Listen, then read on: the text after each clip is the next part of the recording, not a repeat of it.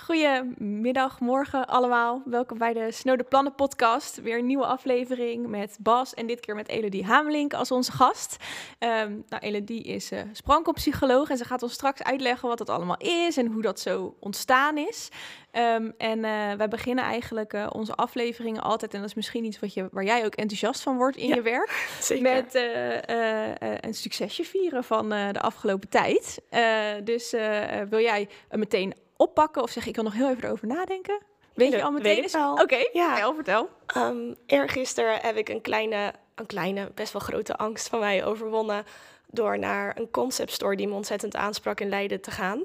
En mijn gedichten en mijn gedichtenbundel daar neer te leggen en te vragen of ze die misschien daar willen ophangen en ik daar dat mag verkopen. En uh, ze waren mega enthousiast over mijn visie en waarom ik dat wilde. En dat is gelukt. Oh, wat supergoed. Dus ik was, ik was helemaal, woe, zeg maar, mega enthousiast. Heel leuk. Oh, dat klinkt goed. Dus die, die kunnen we daar niet vinden? Ja, ja, tenminste, ik ga midden april ga ik ze ophangen. Ja. En uh, ik ben nu aan het regelen. Ik moet het nu gaan in, uh, inkopen. En uh, ik, heb, ik had alleen de versies laten zien. Ja. En dat vind ik echt leuk, want het, is, het zijn letterlijk een van mijn kwetsbaarste dingen. Ja. Mijn innerlijke belevingswereld. En het is kwetsbare kracht waar ik heel veel mensen in hoop te inspireren. Wat leuk. Ja. Heel gaaf. Nou, dan uh, we gaan even kijken wanneer deze live gaat. Maar dan zullen we ook in de show notes delen welke winkel dat is. En ik weet niet of het ook online dan vervolgens te kopen is. Maar dat kunnen we dan ook... Uh... Ben ik mee bezig. Ja, top. En Bas, heb jij ook uh, iets leuks meegemaakt waar je trots op bent? Of wat je even wil vieren? Ja, ja, zeker. Um, uh, het is uh, misschien in, voor, in ieder geval voor in de podcast mijn, uh, mijn, mijn coming out als, als voetbalsupporter. En, nou, ik denk dat iedereen die dit kijkt dat toch wel mag weten. In ieder geval de mensen die mij kennen Ja. weten dit. en ik was afgelopen weekend was ik voor het eerst weer bij een wedstrijd waar ik op een minder valide platform kon zitten met mijn, met mijn gebroken been. Ik Evita, mijn vriendin, mee kon nemen. En nou ja, dat was een wedstrijd die, die Ajax won. Laat ik maar gewoon Ajax noemen. en ik vond het fantastisch, want ik heb ja, gewoon heel lang binnen gezeten. En ik merkte dat het was de eerste keer dat ik echt weer een soort van nou, groot stadion, 55.000 man. En alle euforie wat daarbij vrijkwam, um, deed veel meer met me dan ik ooit had verwacht dat het met me zou doen. Omdat ik best wel nou, rustig en kalm altijd naar, naar, naar wedstrijden kan kijken. Ik vond en vind dat me dat nooit heel erg raakt. Maar dit raakte me veel meer. En ik zat met Evita, mijn vriendin, daar. En uh, nou ja, ik had wel gewoon zeggen, de, de omgeving kwam er gewoon een traan van geluk dat ik gewoon weer eindelijk weer uh, onder de mensen was, zeg maar. Nadat je nou, heel lang binnen zit en niet zoveel kan. En, uh, ja. Dus dat uh, was voor mij niet echt werkgerelateerd, maar wel persoonlijk een hele mooie, wow. een mooie, mooi momentje. Ja. ja. Nu Dat. ik. Nu jij weer. Ja. Ja, ik zit echt uh, uh, te denken. Uh, dat komt ook omdat we ook al een aantal mooie momenten besproken hebben natuurlijk. Dus, maar ik, wat ik eigenlijk... mijn ligt een beetje in de toekomst. en dat is dat er een week aankomt waarbij ik bij heel veel verschillende opdrachtgevers leuke dingen ga doen. En dat is allemaal goed georganiseerd en staat in de startblokken om echt mee te kunnen shinen. Dus daar heb ik gewoon heel veel zin in. En uh, nice. um, wat ik ook heel leuk vind is dat we um, daar, wat ik daarin heel leuk vind, is dat een van de dingen is dat we uh, een soort van Q&A Friday doen met een opdrachtgever. En dat opnemen is altijd onwijs leuk. Dus dat zijn uh, een podoloog, uh, een podotherapiepraktijk. Ja. En nou, dan mogen mensen vragen insturen en dan gaan we dat opnemen. En dat is echt gewoon heel leuk om te doen. En dat ziet er dan ook visueel leuk uit. En dan word ik helemaal gelukkig van. Dus dat is mijn momentje, denk Lekker. ik. Maar dat ligt dus nog in de toekomst. Dat is aanstaande vrijdag dat we dat gaan doen. Kijk. Dus ik kijk daar vooral naar uit. Lekker. Ja, wij uh, uh, we gaan zo meteen echt gewoon een kwalitatief interview doen. Maar we willen eigenlijk altijd even starten met een soort van uh, duivelse dilemma's-achtig iets. Dus we hebben geprobeerd om een beetje vragen te maken die voor jou uitdagend moeten zijn, hopen leuk, wij. Leuk, ja. I'm up for a challenge. Heel Ja, goed. heel dus goed. het is een beetje, we noemen het this or that. Uh, dus uh, je moet kiezen. En uh, ja, we zeggen altijd, uh, tenzij je er zo omheen weet te praten, dat wij niet meer weten of je gekozen hebt of niet, dan kan je ermee wegkomen. Maar anders willen we gewoon een antwoord. Oké. Um, nou, in je werk, uh, je werkt met veel mensen, uh, maar je maakt echt impact op, uh, op de levens van die mensen. Dus we vroegen ons af, zou je liever een handjevol mensen hun leven willen veranderen, of bij een grote groep mensen een klein beetje verandering teweeg te brengen?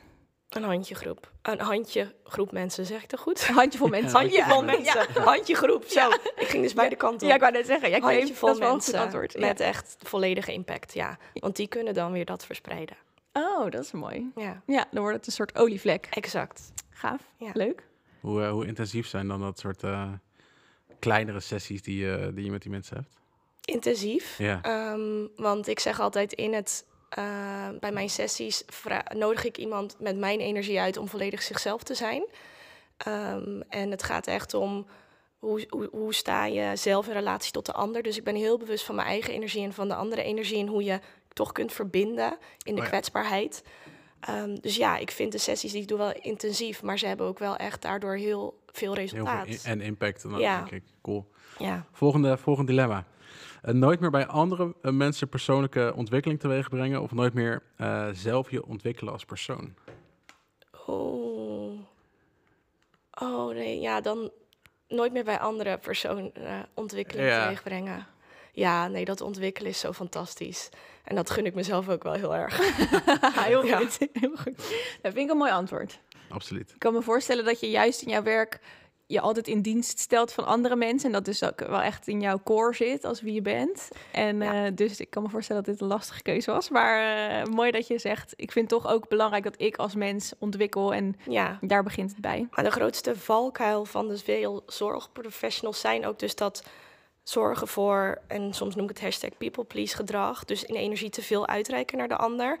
En ik zeg altijd, ik, heb ook, ik ben mijn website aan het vernieuwen en heb ik nu neergezet van dingen die ik leuk vind om te delen. Ehm, als je denkt dat ik het allemaal weet, dan heb je het mis. En als je denkt dat ik het voor je ga oplossen, dat heb ik afgeleerd. Ah, kijk. Heel goed. Ja, ja, ja. Ja. Ja, oké. dat herken ik eh, bij mezelf wel een beetje. Dat is eh, een van mijn kwaaltjes. Eh, liever persoonlijke coaching of op bedrijfsniveau? Persoonlijke coaching. Doe je, doe je veel bedrijf, op bedrijfsniveau, zeg maar meer met zakelijke vraagstukken of in ondernemersvorm Het, le- vraagstukken? het leuke is, mensen komen met persoonlijke vraagstukken binnen en dan toch vliegt er zo doorheen. Nou ja, ik, ben, ik heb dus een idee over een onderneming of iemand die zijn baan kwijt is en die zegt, ik wil niet weer in hetzelfde belanden. En dan komt dat toch, zeg maar, er doorheen. Maar persoonlijke ontwikkeling hangt zo erg samen met ook waar je heen gaat op werkgebied Ja. of carrière niveau. Dus Ja. Het, het- ik, ik bied niet aan, ik zeg niet, ik ben een business coach, maar ik merk wel dat het heel veel er doorheen vloeit. Ja.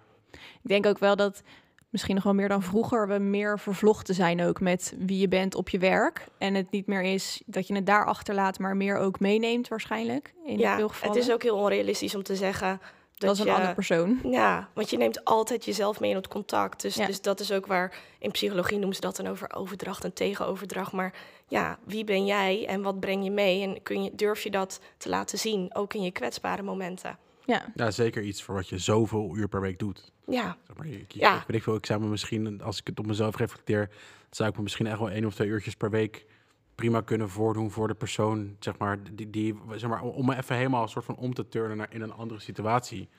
Maar voor iets wat je, wat je zes, zeven, acht uur per dag doet, Nee. vier, vijf dagen per week of hoeveel dagen ook, dat is denk ik ondoenlijk om dan, dat gaat je opbreken en die maskers gaan dan heel zwaar voelen. ja. En dat gaat dan echt als een gewicht voelen. Ja. Ja. Volgende, Eh, liever een kort weekend of een paar dagen intensief met iemand aan de slag of een langere periode op minder frequent niveau? Ik zou nu zeggen een langere periode op minder frequent niveau. Want ik vind het heel mooi. De mensen die ook bij sessies bij me komen doen, ik geef in één sessie zoveel mee. En dan zeg ik ook, het is maatwerk, jij voelt wel aan. Ik heb een soort, ik zeg tegen mensen, als jij opeens denkt aan mij, is het weer tijd. Ja. Ik, ik, ik wacht plannen niet door, tenzij iemand dat fijn vindt als structuur. Want dan kan het bezinken. En je hebt soms Ja. tijd nodig om even die aha-momentjes te krijgen. En weer te, oh, dit was het. Of dat, eh, dat komt nu pas binnen. Of als er een kaart is getrokken, dat iemand zegt, ik snap hem nog niet. En dan drie weken later krijg ik een bericht. Nou, het is alsof, eh, alsof het voorspeld was. Precies dit. Nou, dat vind ik fantastisch. Daar word ik dan echt zo blij van. Ja, Wat leuk. Ik lijkt me ook wel in jouw werk dat eh, je kan natuurlijk. Er zijn sommige mensen die natuurlijk uitdagingen hebben die op hele korte termijn gewoon verholpen moeten worden. En dan ga je er natuurlijk ook heel intensief snel mee aan de slag. Maar uiteindelijk is persoonlijke groei ook iets wat natuurlijk sowieso eigenlijk een leven lang kan duren. Of zou Sowieso. moeten duren. Ja, En eh, dus ik kan me dan ook wel jouw antwoord heel goed voorstellen. ja. Zeker. Oké, ehm, nou ja, deze hebben we denk ik net al. eh, we zaten eh, voor de mensen die dit nu zien eh, of luisteren, hiervoor natuurlijk al even met elkaar te praten. Elodie is niet zomaar koptelefoon op haar hoofd en beginnen. En we gaan. Ja, dus eh, ik denk dat ik het antwoord op deze vraag al wel weet. Maar eh, eh, de vraag is: eh, liever in teamverband werken of alleen? Alleen. Ja, dat, dat wist ik dus nu al, maar ligt het eh, even toe? Ehm, nou, ik heb in de afgelopen jaren eh, heel erg mijn eh, ervaring gekregen in mijn eigen hoogsensitieve eigenschappen. En het maakt gewoon dat als ik in ruimtes ben met mensen, ik, ik nou, vanuit een, als we het even in een spirituele taal noemen, heb ik de gave van helder voelen en helder weten. Dus ik, ik, ik beschrijf het altijd, zie alsof we allemaal koortjes naar elkaar zenden. En ik ben heel goed in koortjes zenden. En dan dingen invoelen en aanvoelen en zien bij mensen. En dat is, kost zoveel energie. Dus ik vind het zo fijn om gewoon mijn eigen keuzes, mijn eigen dingen en echt bewust te kiezen. Ik ga nu met die persoon dit project doen of ik ga nu eh, echt intiem verband. Ik vind het fantastisch, maar ik ben ook daarna compleet overprikkeld. En ik, je kan allemaal je technieken leren om jezelf te beschermen, dat doe ik ook. Maar soms is het gewoon ook weten wat, wat voor jou is. Ja, En ik ben, mensen denken altijd dat ik extravert ben als ze me zien op Instagram en mijn reeltjes. Maar ik ben eigenlijk introvert. Ik, ga- ik ga heel erg, heb ik mezelf nodig om op te laden, niet met anderen om me heen. Dus dat, eh, dat is eigenlijk waarvoor ik kies voor alleen. ja. Dat is niet wat we net besproken hadden, maar dat is wel mooi. dan Ja. hebben we toch nog wel wat nieuws geleerd. Ja, dat kwam er nu op om te denken. Ja, precies. Ja, ja, ja, super. Nee, heel goed. Ik denk wel ook mooi. Ik denk dat het goed is voor mensen om ook eh, op die manier naar zichzelf te kijken. Van eh, waar krijg ik energie van, waar verlies ik energie. Maar ook wat je zegt, eh, waar en wanneer laat ik me weer op. Ja. Dus eh, En met betrekking tot inderdaad waar we het over hebben gehad, stukje ondernemerschap, is het. ehm, ik heb hiervoor een bedrijf gerund met 20 medewerkers samen met een compagnon. En toen besefte ik me ook, ik voel me veel te verantwoordelijk. Ik merk gewoon dat dit niet is waar ik gelukkig van word. Ja. En toen ben ik dus toch gaan besluiten weer al mijn angsten weer aan te gaan. Het af, eh, af te sluiten en als ZZP'er in mijn eenmanszaak weer door te gaan. ja, Ja, dat is dan weer een stukje weer ontwikkelen ook letterlijk. ja. mooi. Tof. Leuk. Ehm, nou, we hebben je nu eh, het, het, het vuur aan de schenen gelegd. Ja. Een paar, paar kortere vragen. Ik vind het nu wel leuk om even in te zoomen met je op, eh, op ja, de mens, Elodie die voor ons zit. Ehm, waar, waar komt het vandaan? Wie ben je? Zit, zat, zit ondernemerschap bij jou eh, misschien in de familie al? Of hoe, eh, wie hebben we voor ons? Wie zit er? Nou, ik ben, ja, ik ben dus, ik heet Elodie. Ik, eh, ik heb 30 jonge levensjaren op dit moment. In mei word ik 31. Ik woon hier in Leiden. Ehm, nou, ik ben getrouwd met een hele lieve man. Ik ben nu 7,5 jaar met hem samen. We hebben drie hele leuke katten. Ehm, en eh, we hebben samen ook nog een zwangerschapswens. Dus we hopen ook samen zwanger te worden. Ehm, en de ondernemer in mij is de afgelopen zes jaar, ja, zes, zeven jaar is heel erg, eigenlijk op, het- tot op het punt dat ik mijn, mijn man, toen mijn vriend, heb Ja. ontmoet, is dat in een soort treinversnelling eh, ontstaan. Ik heb geen ouders die ondernemers zijn. Alle twee in loondienst. Dat maakte ook dat ik best wel wat angst en overtuiging had toen ik begon te ondernemen. Mhm. En het moment dat ik het ondernemerschap aanging, als je echt een soort van het eerlijke verhaal wil, was het. Graag. ehm, ik zat op een eilandje in Thailand samen met mijn man en ik Ja. was ontzettend aan het huilen. En ik zei tegen hem: ah, ik had wat vervelende. Ik werkte daarvoor in de GGZ bij, bij een instelling hier in Leiden. En ik ervaarde gewoon dat het anders kon. Ik, mer- ik merkte binnen de GGZ, binnen de huidige zorgsysteem op dit moment, loop je tegen muren aan. Er zijn professionals die burnt out raken, die allemaal passie hebben en echt het verschil willen maken. Maar ja, regeltjes, wetten, het is gewoon verschrikkelijk moeilijk op dit moment. En ik maakte dingen mee waarvan ik in mijn hart voelde, dit kan niet, dit wil ik niet zo. Nee. Ik ga er zelf aan onderdoor, want ik wil helpen. En nou, dat helpersyndroom heb ik ook weer moeten afleren. Maar en toen zat ik op dat eilandje en toen zei mijn man ook van... je bent altijd zo hard aan het werken en zo, je bent zo passievol... en misschien is het tijd om eens een keer helemaal te stoppen met je baan in loondienst. Ja, kan dat wel? Ik had altijd geleerd, je gooit nooit je oude schoenen weg voordat Nee. je nieuwe hebt. ja. Ik ben best wel daarin opgevoed van... hup, altijd je best doen, niet zeiken, gewoon doorgaan. Mijn vader wilde echt het beste voor me, dus hup, VWO, WO. Ik ben echt... Was Schouders eronder. en, schouders eh, eronder, was ja. echt een Ook, ook de maatschappij waar we natuurlijk in leven met z'n allen. Dat Ja. moet meer en Ja. het kan meer. Dus ja. Ja, dus ik had, ik had dat ook als mindset. Het, dat lijkt een soort van eh, hele verrijkende mindset, maar het is vooral uiteindelijk een beperkende. Want je hebt vooral jezelf ermee in hoe je je voelt en je grenzen overgaan en dergelijke. Ja. En toen zat ik daar en um, nou, toen heb ik voor het eerst in mijn leven iets gedaan. Compleet. Ik was best wel een braaf meisje altijd. Ook heel netjes beschermend opgevoed. Toen heb ik voor het eerst in mijn leven buiten mijn comfortzone heb ik met mijn man, nooit doen overigens jongens, dit is geen aanrader, heb ik met mijn man daar paddo's gedaan Oh nee. op Mushroom Mountain. en uh, toen ik daar in een hele bijzondere psychedelische reis kwam, voor het eerst in mijn leven, was er een stem en die zei tegen me, Elodie, jij hebt een missie, het is tijd, je gaat die baan opzeggen, het wordt zwaar, maar er komt iets heel prachtigs uit. Nou, dat, dat was echt gewoon kippenvel over mijn hele lijf. Dat bleef hangen. En inderdaad, ik kwam te, terug in Nederland en ik zei mijn baan op. Ik meld, meldde me eerst ziek, want ik vond dood, uh, was doodsbang. Ja, ja, precies. Van, oh mijn god, en wat gaan mijn ouders nu zeggen? Ik bedoel, uh, ik had net de sleutel van ons nieuwe koophuis. Ga ik mijn baan opzeggen? Je bent toch, weet je, echt alle angsten kwamen. Van wie denk je wel niet dat je bent? Ik weet toch niks over ondernemerschap. Nou, precies wat ik dacht kwam ook uit. Mijn ouders zeggen, wat, hoezo, dat doe je toch niet? En je hebt toch gewoon... Een... Nou, oké, okay, ja, dit helpt ook niet. Ik had wel wat een beetje go for it gehoopt. nou, uiteindelijk toch gedaan. Um, ik geloof heel erg in universele... Als op het moment dat je door je angst heen gaat bewegen, dat het ontstaat. Nou, na die paddo-trip, om maar even zo te zeggen... En ik besloot, ik ga dit doen. Mm. Met allemaal huilbuien en angst. Want het ging niet van, oh, we gaan dit doen en het, uh, het gebeurt kreeg ik een berichtje van uh, nou, mijn voormalig compagnon, ook psycholoog, ook in het werkveld van de GGZ. En die stuurde dus ook van, ik ben het helemaal zat, ik ben, ik ben ziek, ik, ging, ik werd bijna ziek, kwam ik thuis te zitten door alle druk. Ik heb mijn baan opgezegd van de een op de andere dag. Ik heb een plan en ik voel dat ik jou moet hebben. Kijk. Nou, echt, ik dacht, toen begon mijn eerste ervaring in, wow, the universe, universe provides. Yeah. provides. Ja.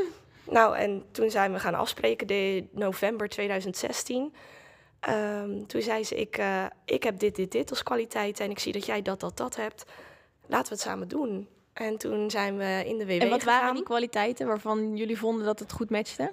Um, nou, wat zij, waar zij echt super goed in is en wat ik ook heel erg van haar heb geleerd, echt, echt heel erg.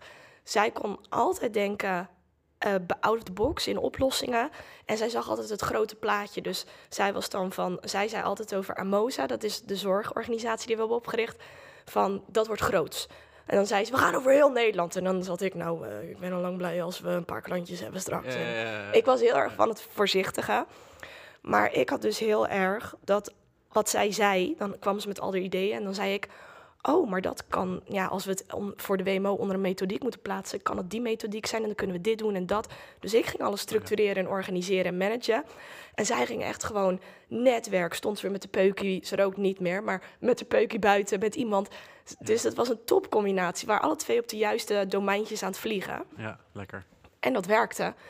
Want binnen drie maanden uh, wist elk huisarts wist wie we waren hadden we zoveel mensen die we zelf als coach aan het begeleiden waren, dat we onze eerste werknemers gingen aannemen. Kijk. En dat was al na drie maanden en nou ja, vijf jaar verder, want het, in 2000, nou, afgelopen december 2021 ben ik gestopt, um, is het uitgegroeid in nou ja, Duin- en Bollenstreek, Leiden, Oesgeest, Zoeterwoude en 20 medewerkers. Ja, echt heel knap. En dat was, ja, dat is fantastisch. Dat is mijn eerste reis geweest met het ondernemerschap. Ja. Maar echt wel, poef, Ja, deep ja, ja. dive. Ja. Ja. Ja, en meteen eh, ook de andere kant op. Meteen echt sky high Ja. en eh, één grote wervelwind. Want als je zo snel groeit, dat is Ja. natuurlijk niet iets wat eh, slow en steady is. Dat is echt... eh, En niemand leert je, weet je, wij waren psychologen. Wij wisten heel goed wat voor visie we hadden, wat anders kon binnen de zorg. ja, Maar een bedrijf runnen, dat is wat heel anders. Dat is echt iets heel anders. Dus dat, dat, ja, daar hebben we echt wel moeten vallen en opstaan. Ja. Gewoon, kijk, wat, als ik er nu op terugkijk, zij zal het waarschijnlijk anders zeggen, maar ik heb altijd gezegd, voel, we hebben echt, we hebben zoveel energie erin gestopt en daardoor is het ook een succes geworden. Maar echt wel over onze grenzen heen gaan. Of in ieder geval, als ik even voor mezelf spreek, ja. ik ben echt over mijn grenzen heen gegaan. Ik voelde heel vaak, ik zat heel vaak ook thuis huilend op de bank van, oh, ik ben zo moe. En, en dat ik echt heel veel opofferde om maar dat bedrijf succesvol te maken. En ik zou het niet anders willen doen als ik er nu naar ki- terugkijk. Maar hoe ik bijvoorbeeld nu mijn eigen eenmanszaken run, Doe ik dat niet? Heb ik echt wel mijn grenzen? Heb ik echt wel, dit is... Ik bedoel, ik wil staan voor die, voor die gezondheid in jezelf. En dan helpt dat dus niet als ik zelf als een soort maniac steeds helemaal uh, Nee, half burnt out rondloop.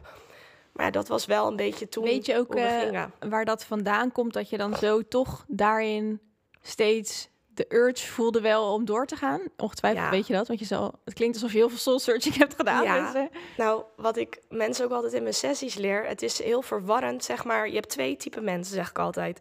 Type mensen die wil ondernemen, maar die heel erg tegen de angst aanloopt. Dus dan zitten we echt op het overtuigingsstukje. Ehm, wat gaan mensen vinden als ik dit doe? Ik kan dit niet. Eh, durf ik mezelf wel zichtbaar te maken? Durf ik wel voor mijn waarheid te gaan staan? Zeggen sommige mensen dan ook. En die hebben dan echt nodig dat zelfvertrouwen te krijgen. En soms nog wat van wat oude pijnen te ontwikkelen. Die soms nog geen eens gerelateerd zijn aan zichzelf, maar aan nou, wat aan hun hangt. En dat Ja. noem ik dan even energetisch of vanuit je opvoeding, om het maar even zo te zeggen. En je hebt die mensen, nou, dat, dat zijn dan de hoogvliegers ook, die hebben heel veel inspiratie, 101 ideeën. En die gaan echt, wow, en ik zie het voor me. Maar die blijven lekker in die hoogte zweven met al die ideeën. En die komen niet tot praktisch uitvoer. Ja. Nou ja, deze heeft aandacht nodig en deze heeft aandacht nodig. Ja. En beide vragen iets anders. En ik zeg ook altijd tegen mensen: je hebt nodig te begrijpen waar zitten je energiegevers en waar zitten je energielekken. En ehm, dingen die je energie geven, kosten ook energie. Dat is zeg maar het moeilijkste wat. al- Als ik nu in mijn bedrijf zie hoe, hoe onwijs ik naar mijn zin heb, ik kan wel 60 uur weer gaan werken. Want ja. het loopt en Ja. het gaat goed en het is zo cool. Maar dan ga ik toch mezelf weer afrekenen en mijn energie. Het kost me ook energie. Je moet ook weer even de balans erin houden. Ja, oh, dat vind ik wel heel interessant. Want wij hebben natuurlijk dit soort gesprekken ook wel eens van, eh, joh, eh, ja, weet je wel, ben je nog fit genoeg? Of, en dan juist die momenten dat, eh, nou, ik had het er ook met, met Daan over, die de audio hier doet, dat, je, dat je dan zegt van, oh, ik vind het echt mega leuk en ik kan hier de hele dag over doorgaan. En je wil juist eigenlijk een soort van druk genoeg zijn om een soort van... eh, Mhm. een soort piek te kunnen halen Ja. of zo. Of op het hoogste niveau te kunnen leveren. Maar die balans is zo dun. En als je dan... Je stort gewoon helemaal in als je daar eh, weer dan aan voorbij Ja, gaat. dan zit je in de, nou zo ik het dan noem, zeker mensen die, eh, als je even, ik hou niet van het label, maar stel we hebben het over hoogsensitiviteit, ADD, ADHD, dan zit je in de overprikkeling en overweldiging. Want je hebt continu dat in te voelen. En wat ik doe met mensen, nou, we hebben een stukje afbellen van al die laagjes. Maar ik zeg altijd, het is niet alleen maar dat zware. Ik doe het combineren met dat ik mensen ehm, bekend laat maken met hun intuïtie. Dus ik had laatst een sessie met iemand en die zei ook, ehm, was ook aan het ondernemen en die was met een andere ondernemer gaan samenwerken en ze waren een programma aan het lanceren, maar het liep maar niet. Ik kijk dan even naar de energetische stromen, dus ik zeg oké, ik ga je iets vragen, want ik hoor daar praten en dan zie en hoor ik al, je kan in lichaamstaal en hoe iemand praat, kan je al merken wat, er zit iets onder. Mhm. Dus ik, ga- ik zit er even te, aan- te aanschouwen en ik zeg: Oké, ik ga je één ding vragen. Doe maar even je ogen dicht. Als ik nu vraag aan jouw intuïtie of dit programma bij jou past, hoor je dan ja of nee? En ik zie echt zo'n blozen en zo'n. Ik zeg: eh, Nou, zegt ze: Nee, ik hoor nee. Ja, maar dat kan toch niet, want ik heb er zoveel energie in. Nou, dan komen al die Ja. verhalen. Ik zeg maar, als intuïtie zegt nee, gaat dit niet stromen. En toen uiteindelijk ging het een beetje nog vanuit de mind, want dat heeft de mens altijd nodig. Nog even bekijken. En toen bleek dus dat het niet helder was voor haar. Zij had echt heel duidelijk wat ze wilde qua ondernemerschap voor missie en visie. Maar toen ging ze naar de andere ondernemer, die had een hele andere missie en visie. Dus dat stroomde niet. Ik zeg, ja, maar dan kun je wel samen op dat eilandje gaan zitten. Maar dat gaat dus niet. Nee. En dat zie je dus letterlijk, het stroomt niet. En toen zat ze, oh, maar als je het zo uitlegt, maar... Nou, toen kwamen we nog op een... Nou, dat pak ik dan nog even erbij. Ik werk met innerlijke kindjes met mensen. Dus zei ik, en kan het ook zijn dat het innerlijke kindje in jou het nu heel moeilijk vindt om dat aan te geven aan haar? Want ik hoor net jou zeggen, ze heeft dit, ze heeft dat en ze wil dit zo graag, dat je haar niet wil teleurstellen. Oh, is dat ook nog aan de hand? Ja, dat is ook nog aan de hand. Ja. Ja, dus zo inderdaad kijk ik met mensen van wat is jouw purpose? Waar word jij blij van? Wat sparks joy, zoals Marie Kondo zou zeggen. Ja. ja. Wat goed. leuk. Nou, en ik, dit was voor mij een gekoesterde wens om met iemand die uh, snapt hoe mensen een beetje in elkaar zitten te spreken over ondernemerschap. Dus ik vind het ook heel leuk dat we het daar meteen al een beetje over hebben. Maar uh, misschien is het goed om ook eventjes te bespreken van, uh, zijn er, is er nou echt verschil tussen mensen die ondernemer zijn of mensen die dat niet zijn? Ja, um, ik zeg altijd wat een ondernemer doet. Het is zeg maar, ik, ik heb toevallig vanochtend nog mijn compagnon geappt van wat zou jij daarin zeggen? Ik zeg, want ik heb maar één regel, maar die lijkt me een beetje saai. Ik heb, moet wel wat meer te vertellen hebben, toch? dus nee, maar dat is hem. En dat is dromen durven doen. Ja. Dus wat de ondernemer doet, is... Dus ze gaan echt in actie. Dus je gaat echt dingen doen en je durft te falen en je durft het weer opnieuw te proberen. Je durft door al je mindfucks en angsten heen te bewegen naar waarvan jij diep van binnen voelt: dit, dit wil ik zijn, uitstralen, dit product wil ik laten zien aan de wereld. En als dat stroomt, dus die energie, dan gaat het lopen. Maar het gaat echt om het doen. Dus, oh, ik heb dit idee. Ik heb wel honderd ideeën gehad. Ik heb elke keer de telefoon opgepakt en iemand gebeld. En, oh, dit, dit. en dan was ik het weer aan het uitzoeken. Misschien zijn wel 90% van mijn ideeën niet uitgekomen. Totdat die ene kwam die paste. En ik dacht, ja, ja. dit is hem. En nu stroomt het. Ja, ik denk, dat vind ik ook wel leuk dat je dat zegt. Want ik weet nog wel dat iemand die vroeg ook een keer aan mij van... Uh, heb je dan een, voorbeeld en zo? En ik vind dat heel moeilijk, omdat je nooit ziet wat er niet gelukt is. En dat is juist waardoor ze gekomen zijn waar ze zijn. Dus ik vind dat heel moeilijk om te zeggen... oh ja, dit is echt voor mij een idool of een voorbeeld of een rolmodel of zo. Ik, er zijn wel mensen die ik succesvol... hun succes interessant vind of zo, weet je wel. Maar ook omdat je dat dus allemaal niet ziet, dus vind ik het dus heel moeilijk om daar een soort van voorbeelden in te, in te zien. En terwijl dat juist wat mij betreft ook heel interessant is, Ja, want ik uh, bijvoorbeeld vorig jaar mei had ik al met mijn compagnon besproken, want ik had dus mijn bedrijf en de zorgorganisatie. En ik voelde al de hele tijd mijn intuïtie zeggen: dit is het niet, dit is het niet. En elke keer als ik daar naartoe bewoog, kreeg ik weer angsten en allemaal overtuigingen. Dus ik zei tegen haar: ik wil al naast onze zorgorganisatie even iets oprichten om te proberen. En toen dacht ik, oké, Elo, laat alles los. Dit is je speeltuin. Dus je mag dus ook wel soms speels letterlijk zien. Het is je speeltuin, ga proberen. Dus ik dacht, oh, wat voel ik? Ja, ik voel toch echt dat ik met dat energetisch holistische werk wat mag doen. Ja, ik wil kaarten gaan trekken, kaarten trekken. Ben helemaal elo. Kwam weer dat stemmetje. Je bent toch een wetenschappelijke psycholoog? Dat kan toch niet? Mijn vader ook letterlijk. Huh, dat ga je toch niet doen? Nou, ik denk, oh, nou, al die angsten weer langs. nou, toch een keer op Instagram. Hallo ja, uh, ik uh, kan een keer gratis een kaartlezing doen voor je. Nou, een paar mensen, positieve reacties. En die kaartlezingen, dat is dus in dit geval ontwikkeld. Uiteindelijk, doordat ik daarmee ben gestart, ging de energie stromen en heb ik een intuïtieve brief ontwikkeld. Dat had nooit gebeurd als ik dat niet had gedurfd. Een paar keer op mijn bek had gegaan omdat mensen wat van me vonden. Want er gaan altijd mensen wat van je vinden. Weet je, Elodie die doet dit, dus toch wel een beetje... Ik kom ook nog eens uit een dorpje, Katwijk. Christelijk opgevoed. Oh ja? Mensen zijn daar christelijk. Mijn moeder die zegt ook soms, ja, mensen die, die vragen dan wat je doet. En dan weet ik ook niet echt wat ik moet uitleggen. Ik zeg, ja, dat... Weet je, er zullen altijd wel mensen zijn. Je moet toch, dat, dat geef ik mensen aan, blijf je pad volgen. Want je moet doen waar jij blij van wordt. En niet waarvan je denkt dat je dat moet doen. Ja. Omdat je daar anderen gelukkig mee maakt. Ja. Bijvoorbeeld. Echt dat, ja.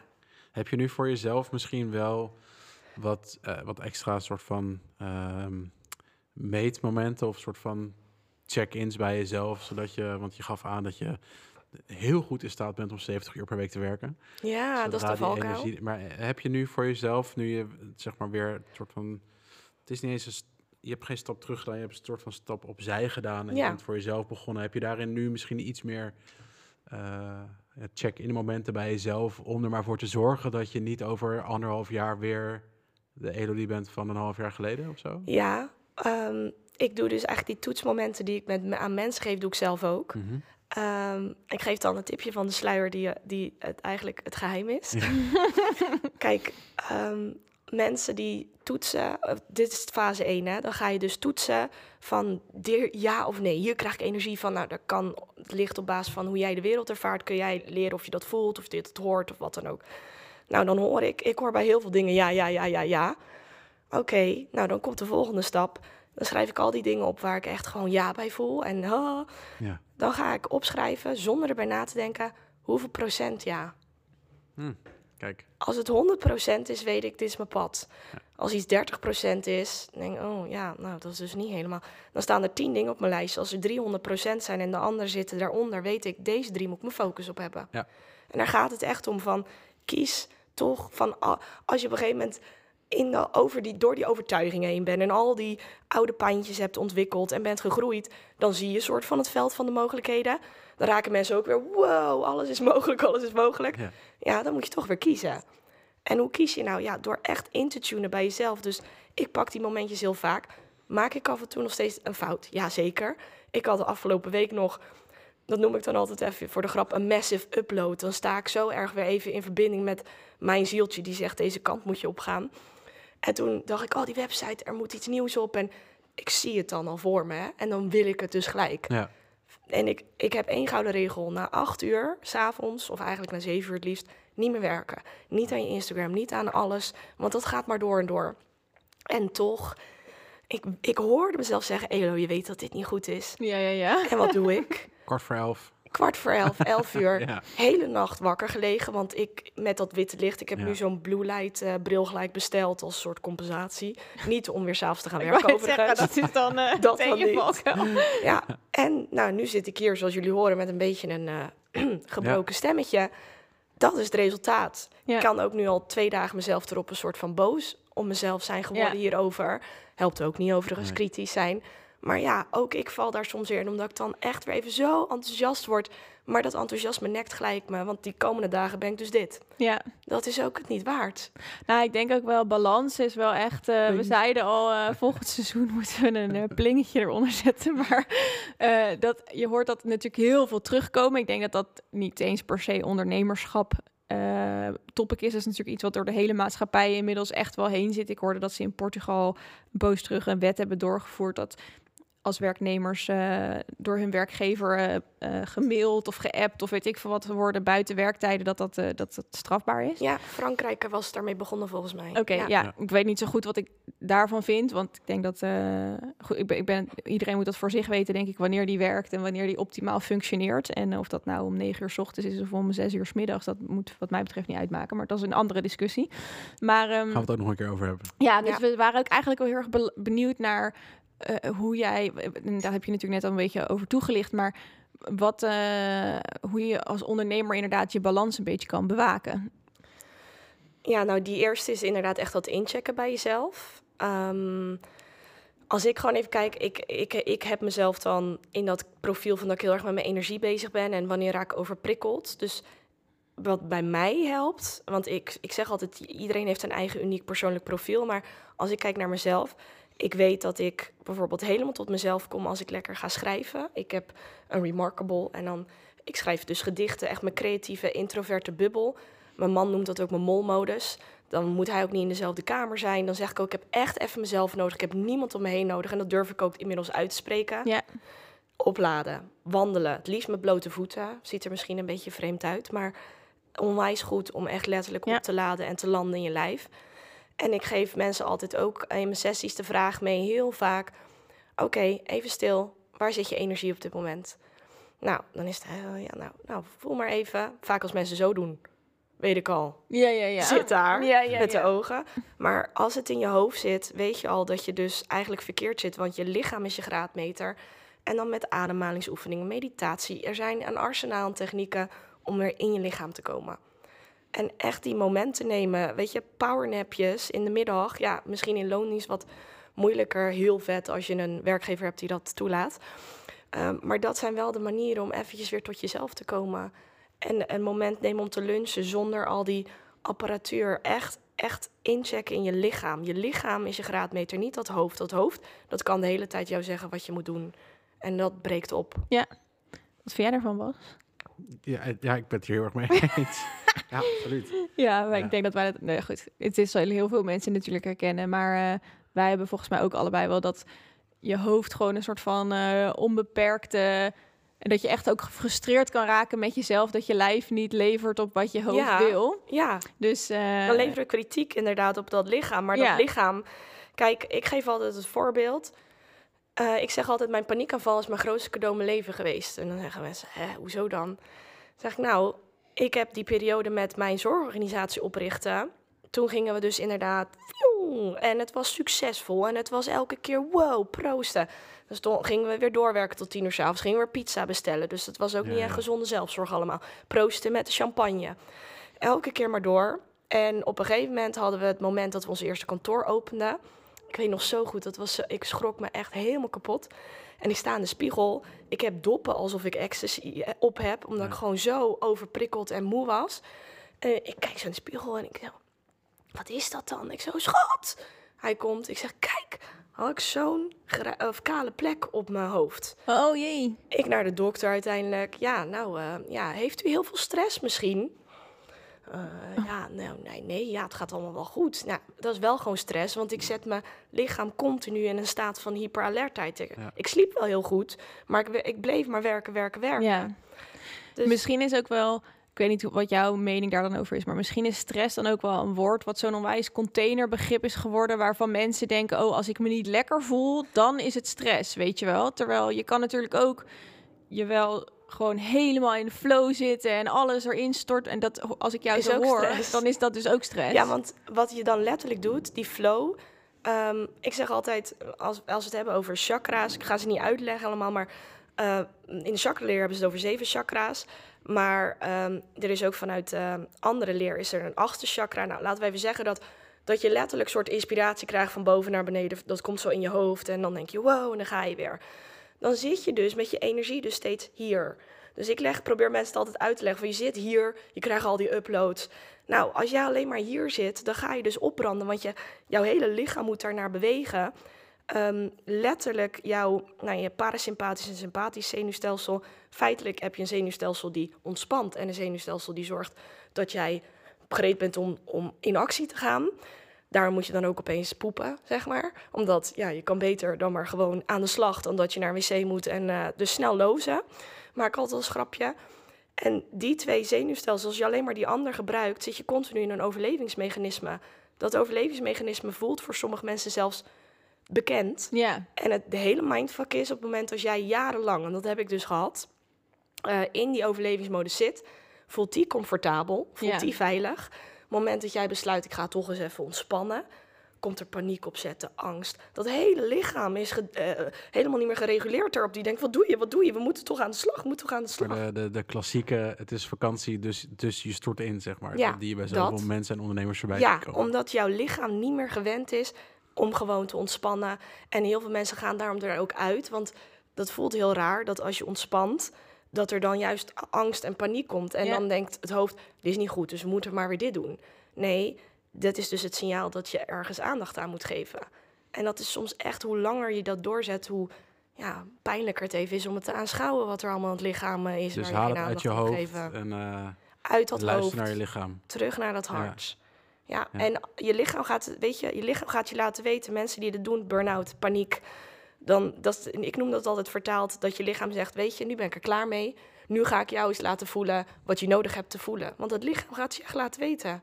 Die gaat uitvallen, die gaat zeggen, dit kan niet langer. Ik heb, je lichaam is aard, zeg ik altijd, die moet je voeden. En alles, die inspiratie is lekker spiritueel en hoge energie. Dat is er altijd. Maar dit lichaam op deze aarde heeft nodig gewoon door dit leven te bewegen. Ja. En gevoed te worden en verzorgd te worden. Dus niet alleen maar hoofd, maar ook schouders, knieën en tenen. Exact. Oké. Ehm, even kijken, Elodie. eh, eh, ik vind, die vraag die stellen we aan iedereen en dat vind ik het ook heel leuk om aan jou te vragen. Ehm, er zit voor mij in jouw werkveld heel veel dingen die ik nog niet snap. Vind ik heel erg interessant. Ja. Gaan we denk ik zo meteen nog, nog verder op inzoomen. Maar wat is een, een leuk feitje of een weetje vanuit jouw expertise of werkveld... ehm, waarvan je het gevoel hebt dat weinig mensen dat weten... maar waarvan jij denkt, van, hé, maar dit is wel typisch wat voor wat ik doe. typisch voor, voor mijn werkveld... of voor wie jij bent als, als onderneemster. Ehm, hmm. ik voel dan wel te zeggen dat ja, de, de, wat in me opkomt, alles is verbonden met elkaar. En mm, op dit moment eh, heb ik nu al een aantal keer gehad. Ik ben dus heel erg, en ik ben daar nog zelf in een ontwikkeling mee, want ik, ik vind het echte verbindingsvolle werk met mensen, dus los van diagnoses, kaders, systemen, dat is zo uh, kwetsbaar. Dus ik ben ook heel voorzichtig in, in het werk wat ik op dit moment doe. En ik heb ook nog niet alles gedeeld van wat ik doe, merk ik. Ook een beetje vanuit een overtuiging en ook een beetje vanuit when is the right timing. Maar om een voorbeeld te geven, ik geef in mijn sessies dus heel erg werk ik met wat aanwezig is. Dus dan mensen zeggen soms moet ik dan met een klacht komen. Nee, je komt met waarvan jij voelt dit heb ik nodig, positief of negatief. Uh, of nou, dat is maar het label. Hè. Uh, en ik heb nu al een aantal keer gehad dat ik met iemand een uh, energetische healing deed. Uh, nou, dan zie je het voor je dat we allemaal koorden hebben. Dus dat we allemaal lijntjes naar elkaar zetten. En soms zijn die lijntjes los van de persoon. Het zegt niks over de persoon, maar niet dienend voor jou. En ik heb een keer, of ik heb al een paar keer gehad. Nou, stel, we hebben het nu even over, gaat de relatie uit? Ja. Je hebt verdriet. Um, en je voelt ook, ik mag verder gaan, maar je voelt je vastzitten en in patronen. En waarom is dit gebeurd? Nou, we kunnen heel erg vanuit het hoofd dat gaan bespreken. We kunnen kijken naar jouw stukje. Maar uh, in een energetische healing kijk ik, heb je nog koorden met die persoon? Want op het moment dat je verbindt met iemand, soms houden we die koorden vast. En met een paar mensen hebben we uiteindelijk in stapjes, want niet iedereen ligt, wil dat gelijk, hebben we een paar koorden verbroken. En nadat we de koorden hadden verbroken, belde die persoon gelijk. Kijk. Oh, wauw. Ja, Wat lijf. Die voelde de afwezigheid of zo. Ja. Dat is dus hoe het werkt. En dat gaat heel onbewust. Op het moment dat je het, dat, dat veld begint te begrijpen. Maar dat is net zoals als ik nu aan mijn moeder denk, dat opeens mijn moeder zou kunnen bellen omdat ik het lijntje uitzet. Dat is dat stukje, dat energetische, waar nog heel weinig aandacht voor is. Ja. Zeker in het, in het werkveld, maar waar dus echt, ja, waar de magie ontstaat. En heb jij voor jezelf, uh, want ik kan me voorstellen dat je komt uit een veel traditionelere omgeving, met, zeker bij de GGZ natuurlijk. Ja. Voel je dat je dat gevecht moet voeren om te zorgen dat dit ook meer mainstream wordt misschien voor mensen? Mijn ego wil zeggen ja. ik, er zit een strijdlustig typeje in mij. Maar dat strijdlustig typeje heeft me ook dus weer uh, veel te veel energie gekost. Dus ik heb heel erg geleerd van, weet je, um, ik wil, de sprankelpsycholoog staat ook voor het verbinden van wetenschap met spiritualiteit. Ik vind niet dat het het een of het ander moet zijn. Ik vind dat we wat meer hand in hand mogen gaan. En cognitieve gedragstherapie noem ik altijd voor mensen level 1. En ik heb dus zelfs psychologen, zorgprofessionals en mensen die dan al bij de psycholoog zijn geweest of met een vraagstuk lopen, die dan bij mij komen voor level 2, 3 of 4.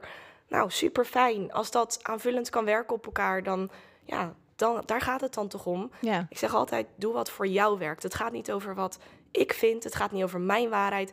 Wat is jouw waarheid? Wat is jouw belevingswereld? En werkt die voor je of tegen je? Want anders moeten we er misschien wat aan doen. Ja. ja, zo simpel kan het eigenlijk zo zijn. Absoluut. Ja, ja het, ik denk ook als ik het zo hoor, weet je wel, we hebben, oh, we hebben nou, wat ik al vertelde, we hebben ook met Raymond gesproken, die coaches. En uh, ik denk dat. Uh, ik denk dat het voor heel veel mensen heel, heel, fijn is om een klankbord in een omgeving te, te, te hebben. Uh, hoe vind je dan iemand die bij jou past? Moet je echt kan jij bijvoorbeeld met mensen werken die alleen echt helemaal open voor je staan? Of moet je, je moet natuurlijk ergens wel een beetje levelen met elkaar. Ja, ik zeg altijd de basisvoorwaarden voor uh, het vinden van een goede coach, therapeut of wie dan ook, is de klik. Ja. Op het moment dat jij uh, bijvoorbeeld de allerbelangrijkste is, als jij niet veilig voelt in het contact. En nou zeker als er sprake is van, nou ja, laten we dan even zeggen, hechtingsproblematiek. Of, of al dat je al moeite hebt om je open of kwetsbaar open te stellen, kan dat aanwezig zijn. Um, dan, dan is dat al de basis om of daaraan te gaan werken in het begin met iemand. Of gewoon te zeggen, ja, dit voelt niet goed. Want dan kan je een jaar lang bij die psycholoog of wie dan ook zitten. Je komt geen ruk vooruit, want je voelt je niet veilig. Dus je gaat niet je laten zien. Dus die klik moet van beide kanten komen. Ik heb ook wel eens een keer ja, gehad... dat inderdaad vanuit jouw kant dan misschien ook? Ja. Ik heb meestal... Kijk, ik heb altijd een soort aanname dat vooral vrouwen naar mij komen. Maar ik heb nu ook al twee keer gehad dat uh, een man naar mij is doorverwezen of bij mij terechtkomt. En dan ben ik echt even altijd aan het invoelen van, is dit nou een match? Of, of ja, of ik, ik ga dan altijd gewoon even heel overkoepelend denken, kan ik iets betekenen of is er iemand die nog iets meer kan betekenen? En ik heb ook mijn mensen waar ik naar verwijs. Want ik vind uiteindelijk, het gaat om jou en je proces en het zou ego-achtig zijn als ik denk, hey, ik heb weer een klant en ik haal je binnen. Zo, zo wil ik gewoon niet werken. Nee. Hoe, ik vind dat wel interessant. Eh, is dat ehm, het feit dat je met voornamelijk vrouwen werkt, is dat omdat, jou, omdat jij gevoelsmatig beter matcht met vrouwen? Of dat je, zou die klikker ook net zo goed, heel goed ook met mannen kunnen zijn? Ik heb dus nu een aantal mannen in sessies en dat werkt ook heel goed. Ehm, ik zit even te invoelen wat het... Misschien is het meer een eigen thema bij mij. Ja. Op, eh, kijk, als je het hebt weer over mannelijke en vrouwelijke energie. ehm, iedereen heeft een, een vadersysteem en een moedersysteem achter zich. En het kan zijn dat ik in relatie met een man... Stel, het wordt, is een man die op een bepaalde manier zich opstelt... dat Ja. ik daar opeens meer moeite mee ga hebben in het contact... en toch per ongeluk niet meer vanuit zuiverheid kan reageren... omdat ik in een eigen stukje zit. Ja. En dan, dan gaat het dus om, ben ik bewust genoeg om te zien... dat dat dus niet werkt. Voor beide partijen. exact. Nee. Want voor je het weet ga je dan alle twee een beetje in die... of dan ga je opeens een beetje van, eh, ja, ja, ja. Hey, hoef je, hallo, ik ben ook, eh, weet je... Ja, Dat, dat zou kunnen gebeuren. En misschien in een interactie met een man. Ik heb het nog niet ervaren met een vrouw. Ehm, omdat ik daar dan misschien een soort thema zelf op heb. Dat Ja. zou kunnen. En heb jij, kom ik weer met mijn check-ins, maar heb jij dan, eh, als jij een nieuw persoon, man of vrouw, maakt dat niet uit, ehm, iemand komt voor de eerste keer naar jou toe, eh, heb je dan al heel snel dat je een soort van in je hoofd dingen een soort van afvinkt, oké, deze, deze klik is er, die match is er, dit, Ja, of is dat eigenlijk iets, ik kan me ook voorstellen dat dat ook gewoon gevoelsmatig... voelen. Dat is echt het voelen. Ja, Het kan, eh, om hem even andersom te doen. Ik heb een hele. ehm, ik had een keer iemand die zei: eh, Zullen we een uitwisseling doen? Soms heb ik eh, mensen die bepaalde diensten hebben. En zeggen ze: Oh, laat, doe, je, doe ik dit voor jou, doe jij dit voor mij? En toen voelde ik: Oh, dat ja. En daarna voelde ik: Oh, nee. Oké, wat gebeurt er? En toen voelde ik, en dat vond, was ook weer voor mij een drempel om dat te gaan bespreken. Maar hij wist een beetje, het was een hij, Ja. hij wist een beetje waar, eh, waar ik vandaan kwam. En toen stuurde ik hem, oké luister, ik loop er in de bossen en mijn energie gaat even uit naar jou. Ja, ik wil die behandeling bij je. Maar dan moet er eerst een negatieve energie bij je weg worden gehaald. Want er Mm. is iets bij je wat niet van jou is. Toen had hij, oh, oh, ja, eh, eh. nou ja, dat wil ik wel heel graag. Wanneer kan je komen? Ik zeg, nou, ik ben nu eventjes ergens, maar over twee dagen of zo. Toen heb ik dat bij hem weggehaald. En toen was hij super blij, want hij voelde ook letterlijk iets weggaan. En toen voelde ik, nou kan jij wat bij mij doen. Want anders voel ik dat mijn zieltje eh, op haar hoede is. ja. Ja, precies. Dat is heel... eh, maar dat hele wat ik nu beschrijf, hè. Ik hoor mezelf het zeggen en ik hoor ook dat deel nog die vroeger altijd dacht... Elo, wat gek, wat gek wat je allemaal zegt nu. dat over energieën, dat... Ja, iedereen kan het voelen. Ehm, maar er zijn wel bepaalde mensen met, met eh, eigenschappen. Dus hoogsensitieve mensen hebben letterlijk geen filter. Er is letterlijk in het brein aangewezen dat als ik met jullie zit, dat alles binnenkomt. Het wordt niet gefilterd. Dus dat maakt dat ik dat heel goed door heb. En tegelijkertijd ook waarom ik zo vaak mezelf moet beschermen. ja. Dus het is echt een talent. Da daarom noemen mensen die hoogsensitief zijn het ook een talent en een soort last tegelijkertijd. Want je kan het ook niet uitzetten dit. uitzetten. Je kan niet zeggen van, ja, ik zeg altijd tegen mensen, als je echt te veel hebt, met, met overprikkeling geef ik altijd als techniek, als het op het visuele zit, wat kan je dan doen? Ogen dicht. Ja. Gewoon letterlijk soms even, oh, ik moet echt eventjes, even uit alles. Ja. Ja. Mooi. Hey, en eh, hoe vind je dan, eh, want ik, ik kan me voorstellen dat als iemand op zoek is naar iemand eh, met klankborden of om aan zichzelf te kunnen werken, dan ga je googlen. Ja, Maar daar is het heel moeilijk om een klik met iemand te krijgen. Dus hoe pak je dan zoiets aan en hoe weet je, oké, ik heb nu eigenlijk iemand nodig die me helpt met de balans in mijn leven, of ik heb nu juist iemand nodig die me helpt om nieuwe vaardigheden aan te leren. Hoe, hoe pak je zoiets aan? ja, ik, ja het, is, ik, het is ook ingewikkeld als ik eerlijk ben. Zeker vanuit hoe het in het systeem werkt. Je gaat naar een huisarts, je wordt naar de praktijkondersteuner gestuurd of een psycholoog of wie dan ook. En, je, en dan heb je geen keus. Dan word je gewoon neergezet van dit is het en wees blij, want er is een wachtlijst. Ja, Ehm, wat ik bijvoorbeeld daarin doe, is ik bied altijd een gratis kennismaking aan van een half uur. Om eventjes iemand te- dat te laten voelen. En dat zou ook mijn advies zijn voor andere professionals. Laat iemand wel die ruimte om eventjes dat af te tasten. In plaats van dit is mijn pakket en schaf hem aan. En, Ja. en daarna dat iemand baalt, zeg maar. Ja. Dat het niet matcht. Ja, dat zou ik zeggen. Maar er is wel veel nog nodig daarin. Uh, er dit is ook weer die tweeledigheid. Er is een tekort, maar er is ook een teveel. Dus allemaal, er zijn zoveel initiatieven op dit moment aan de hand in zorglandschap. Het is allemaal aan het versplinteren. En dan is daar weer wat. Ja, daar kunnen jongeren heen voor als ze suïcidale klachten hebben. Maar daar kunnen ze ook heen. En de, nou, uiteindelijk zitten ze weer van, "Wel, ik, ik weet niet waar ik moet beginnen. Ja. Dus ja het is of, die met veel versplintering. minder heftige thematiek heb je natuurlijk ook superveel ja. eh, professionele, professional coaches, zeg maar, die je als zakelijke of, of als, als ja, er is heel veel. Ja, en het is heel, dat vind ik dus het lastige eraan. Dat is heel moeilijk om te zien, ook omdat eh, nou ja, jij noemt jezelf sprankelpsycholoog, maar ik weet niet van tevoren wat ik me daarbij moet voorstellen, Nee. weet je wel. Dus ook daarin is een soort van, ik ga niet googlen op sprankelpsycholoog als ik niet weet Nee. dat dat een term is Nee, die ja, zou kunnen ik, ik, passen bij mij. ik- ja, volgens mij hoe ik nu zie bijvoorbeeld hoe dat bij mij gaat.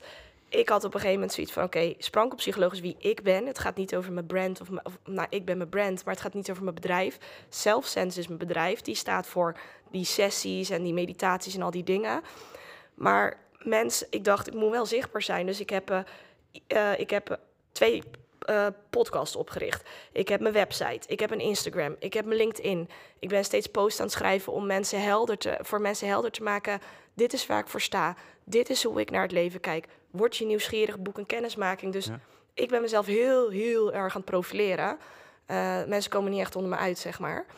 En ik merk ook dat nu, da- doordat ik ben in, nou ja, in mei een beetje begonnen, maar in, in januari toen ik echt mijn bedrijf had, eh, organisatie daaruit was gestapt, ben ik echt begonnen dat nu de mond-to-mond reclame start. Dat mensen zeggen, ja, ik ben bij haar geweest en dat was zo fijn. En dat, dat, dat mensen zo een beetje weer iemand vinden waarvan ze zeggen, daar, dat was fijn. ja, dus dat is ook wel, zeker ook wanneer het gaat over vertrouwen in iemand hebben, is dat misschien juist ook wel uitvragen in de mensen om je Ja. heen of zij iemand vinden die bij je past. Ja, van, en dat, dat vraagt natuurlijk weer een stukje kwetsbaarheid. Gaat iemand Ja. zeggen, ik kom bij een coach of een psycholoog? Of, ja tuurlijk, ja. Ja, maar dat is volgens mij wel de beste manier. Want iemand, ehm, dan is dat je stap één. En dan daarnaast je stap twee. Ik ga mee in gesprek en hoe voel ik me erbij?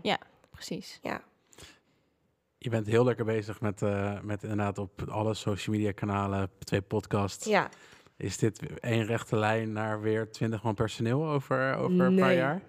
Nee, ik had wel laatst... eh, ik was een wandeling aan het maken met mijn man. En ik schoot... Het gebeurt wel eens dat ik weer even schiet. Omdat mijn missie zo groot is. In, in die ik zo intens invoel. Toen zei ik ja, en ik zie wel... Want als ik dan dit doe en dan zou zelfsens zou dit kunnen. En, nou, en hij zat me aan te kijken. Hij zegt, dat wil je niet. Ja, ja, Je we weet weer. dat je dat niet... En dan zat ik, ja. jammer. Ja, maar hij zegt, maar schat, als je dit gaat uitbesteden... Je vindt het heerlijk om te schrijven. Je vindt het heerlijk om te creëren. Ik zeg, ja, maar het moet, ik moet niet 60 uur werken. Zegt hij, nee, maar dat heb je toch zelf in de hand? Ja, dat is waar. Je wilt niet. Nee, klopt. Ik wil het ook niet. Maar dan schiet het weer even. Het, ik heb dus geleerd, ik kan het. Maar tussen kunnen en willen, dat is een belangrijke scheidlijn. Ik Ja, kon hoe- een bedrijf managen, maar ik wilde het niet. Ja, maar hoe besef je dan dat je het niet wilt? Om, natuurlijk heb je die ervaring, hè? Maar als toch ergens zo die pool vandaan komt, waarvan je dan toch weer heel veel energie krijgt, Nou, is het dan niet in jou dat je denkt: oké, ik ga die puzzel gewoon toch leggen en ik ga toch kijken of het onder mijn voorwaarden kan? Nee, want eh, ik ga altijd, eh, eh, ik zeg altijd, ik werk met mezelf en in mijn sessies met mensen met delen. Dus ik ga altijd in mezelf af. Ik, mijn twee grootste eigenschappen, die soms vervelend ook zijn, is mijn nieuwsgierigheid en mijn eigen wijsheid. Dus ik ben heel vaak eigenwijs. Dus om een voorbeeld te geven, ik heb iemand een website, mijn website laten bouwen, mijn nieuwe website. En nu drie maanden later dacht ik, ik ben weer getransformeerd. Er is weer iets nieuws. En toen dacht ik, ja, ga ik nou weer, ga ik nou weer haar dat laten? Ik heb alweer heel helder hoe ik het wil. Ben ik nou eigenwijs en moet ik het weer allemaal zelf doen van mezelf? Of moet ik gewoon loslaten en het nu uitbesteden? En dan ben ik steeds tussen die twee poppetjes aan het kijken. Is dit mijn eigen wijsheid en ga ik nu mijn grens over? Of is dit, ja, je mag gewoon leren uitbesteden en het groter maken. Ik heb uiteindelijk gekozen om het zelf te doen, omdat ik wist, het, ik heb zo'n helder iets Ja. en ik vind het creëren zo leuk. Maar dat is steeds de aftasting. En elke keer kom ik erop uit, ik wil het doen. Ja, Ik vind het zo leuk om het Maar zelf ook, te ook doen. dus het aanpassen van een website. Heb ik Want- ook, ja. Want dat, ik kan me voorstellen dat dat misschien in de kern, zeg maar, gewoon het, het, het Ja, heel suf inkloppen achter je laptop, zeg maar, dat, dat dat niet per se iets is waar jouw hart sneller van gaat kloppen. Nee, de teksten schrijven. Dat wel, tuurlijk. Ja. Maar goed, die zou je ook kunnen opsturen en, en dat vervolgens laten plaatsen. Dat is waar. Maar kijk, dit is dus mijn eigenwijs stukje. Mhm. Ik heb, ehm, ik heb een deel in mij, en dat is ook mijn grootste talent tegelijkertijd, maar ook echt mijn valkuil, ehm, die dan heel vaak zegt, dan hoor ik iemand praten, of, en dan denk ik, dat kan ik ook. En dan komt er een soort eigenwijs poppetje en die denkt, nou, dat kan ik ook. Dus wat gebeurt er dan? En dat gebeurde er dus twee weken geleden. Ik dacht, weet je, ik heb hier geen zin meer in, dat over en weer kost me net zoveel tijd en energie. Oké, ik ging twee uur lang ging ik het programma Elementor doorspitten. Ik weet waar mijn Ja. talent is om iets op te pikken. Ik ging op YouTube het kijken. Visueel is mijn kracht. Klik, klik, klik, klik, klik. Ik, zie, ik zag hoe die wijzertjes... Oh, en binnen een half uur wist ik het programma te gebruiken. Ja. En dan dacht ik, ja, oké, dat was dus mijn aftasting. Ben ik drie weken bezig dit programma leren, is het zonde van mijn tijd. Ja. Maar ik weet, oh, als ik nou even een uurtje hier insteek, doe ik het zelf. Mijn vriendin moest keihard lachen, zegt ze, gaat ze weer. Ja. Maar ze zegt, je hebt wel gelijk, je, je website waar je mee bezig bent is weer fantastisch. Dat is mijn afweging Ja, dan. ja, ja. De techniek erachter, nee hoor, ik heb, ik heb echt wel dingen uitbesteed. Bijvoorbeeld de dingen waar ik niet mijn handen aan brand, ook al eh, is het wel belangrijk in je, in je onderneming. Financiën besteed ik uit. Ik heb een hele fijne accountant, die legt me tien keer steeds uit. BV, holding, wanneer moet je dit, wanneer moet je dat. Heel fijn, ga ik niet aan, want dat kost me zoveel energie. Mijn, eh, de technische kant heb ik een ICT'er voor uit Amosa nog. Die zei, joh, ik vind het hartstikke leuk. Kom, ik blijf bij jou voor sommige dingetjes. Oh, eh, mensen willen een afspraak bij me inplannen. Dat heen en weer met die e-mails. Dat is niet handig. Hoe kan ik dat automatiseren? Hup, automatische kalender. Hup, automatische eh, e-mail marketing. Oh, ja, moet ik dat programma een beetje leren? Ja, een beetje. Maar verder gaat het, weet je, zo ben ik hem steeds aan het...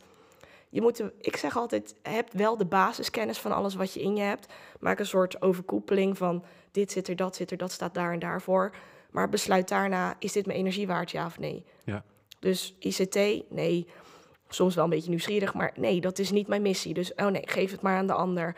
Daar moet ik weer dus eh, geld in investeren. Daar investeer ik geld in. E-book maken, ja, wil ik echt zelf doen. Oké, daar ga ik zelf tijd in investeren. Nice. Ja, dat zijn de afwegingen. Ja. Dus self-sense blijft in ieder geval de komende jaren, blijft dat bij jou. Ja, En dat, dat, ik zeg wel altijd, zeg nooit nooit. Nee, Ik, ik ga niet zeggen, dit wil ik nooit doen. Maar ik voel op dit moment, het is wat het is. En eh, mijn grootste droom eigenlijk is wat we hier nu aan het doen zijn. Ik wil heel graag mensen vertellen over mijn werkwijze, over een meer holistische kijk op de mens. Op hoe prachtig het is als je je kwetsbare kracht weet te omarmen en eh, uiteindelijk je authenticiteit pakt. Dat, ja, ik, ik zeg altijd, ik, visueel, ik manifesteer mezelf op uiteindelijk op een TED-talk podium. Dat ik lekker in mijn energie zo Ja, alles ja, zit te vertellen over allemaal verhalen en transformatieverhalen van mensen. Ja. Dat lijkt me heel cool. Ja. Ja. wanneer, eh, wanneer sta je op het podium? Nou, ik geef mezelf wel even die tien jaar. Kijk. Ja, nee, dat, dit, dit, dus wel over tussen nu en tien jaar. Want die, eh, nou, om maar even gewoon een heel eerlijk persoonlijk stuk te delen. Mhm. Wat dus ook zoiets is, weer over die afweging. Waar ik ook mooie gesprekken met mijn man over heb. Wij hebben al bijna twee jaar lang een zwangerschapswens en het lukt nog niet. Energetisch ben ik erachter gekomen dat daar iets zit. Ben ik ook al heel lang mee bezig geweest en dat wil ik ook uiteindelijk gaan delen. Ehm, maar dat is dus ook in mijn overtuiging of mijn belevingswereld voelde ik van... Ik, heb, ik wil heel graag een gezinnetje en ik wil heel graag deze onderneming. En ik wil niet kiezen. Nee. En het voelt heel erg. En ik, kan, ik weet dat het mijn hoofd, dat dit het verhaal is van mijn hoofd, door hoe ik ben opgevoed en wat dan ook en wat ik heb gezien. Maar mijn hoofd zegt steeds: je moet kiezen. En ik ben zo aan het genieten van waar ik nu sta, dat ik blijkbaar nog niet energetisch dat deel kan omarmen. En daar voel ik heel veel boosheid en verdriet over, want ik wil dit wel. Dus dat is ook weer zoiets van: ja, oké. wat ga je dan doen? Als je, je kan hier wel dit weer zo groots maken, maar je hebt weer keuzes te maken. Je wil ook dat gezinnetje. Dus ja, ga maar weer voelen Ja, wat je echt mag gaan doen. balans. Continu. En maakt niet uit waar je heen gaat. Elke keer is het weer... En af en toe gaat hij een beetje zo af en toe. Maar het gaat om die balans. Ja, Ja. wat mooi. Heel mooi. Ja, Ja, wij vragen iedereen natuurlijk naar zijn snode plannen voor de toekomst. En daar hebben we het al een beetje over gehad natuurlijk. Maar is er nog iets wat je daarnaast, eh, wat, van wat we al besproken hebben, wil delen? Wat zijn jouw snode plannen voor de komende drie jaar en voor de komende tien jaar? Nou, voor de komende jaar, drie jaar in ieder geval... hoop ik met mijn eh, beste vriendin en ook holistisch werker...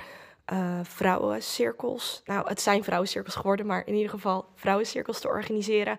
met allemaal thema's over dit soort dingen. Voor wie dat niet weet, wat is een vrouwencirkel? Eh, Het is eigenlijk waarbij we met z'n allen samenkomen en dan hebben we het over bepaalde thema's. Dus denk aan zelfliefde, ehm, volle maan, nieuwe maan, eh, seksualiteit, familieopstellingen, innerlijk kindwerk. Eigenlijk allemaal dingen die omvatten iets over wat er... Het gaat vooral over even naar binnen keren en even voelen wat aanwezig is. Ja. En dat echt kunnen voelen dat je kwetsbaar mag zijn met elkaar, terwijl wij de groep dragen. Het is echt magisch om elke keer te mogen doen. We gaan morgen ook weer een groep uh, Ja, uh, leuk. draaien.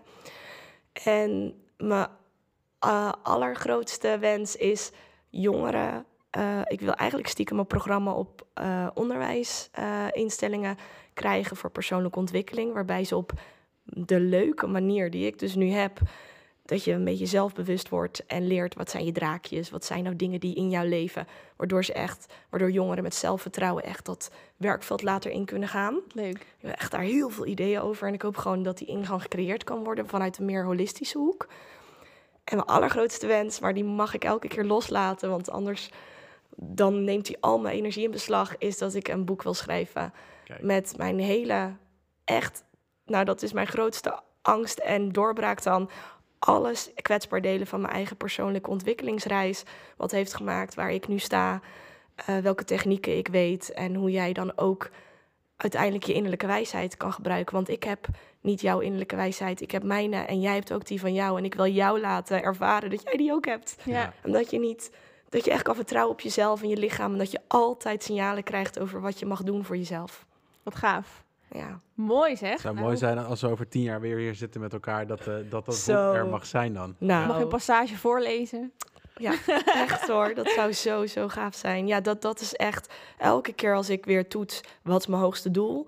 dan kom ik altijd uit op staat, dan hoor ik weer schrijven. Schrijven. Nou, Oké, oké, oké. Dat gaan we doen. Leuk. Nice. Ja. Mooi. Nou ja, onwijs bedankt voor dit gesprek. Ik denk uh, voor iedereen heel interessant en, uh, en leerzaam. Ik denk dat er een hoop ondernemers zijn die continu hun grenzen voorbij gaan en daar dus ook echt heel veel aan kunnen hebben. Dus uh, thanks. Ja, Jij ook, uh, hartstikke leuk. Vond het echt Ja. heel leuk. Mooi. Cool. dankjewel. Dankjewel. En uh, dat was hem voor deze Ja, keer. zeker. Tot, uh, tot de volgende. Ja, tot de volgende. Doei. Doei.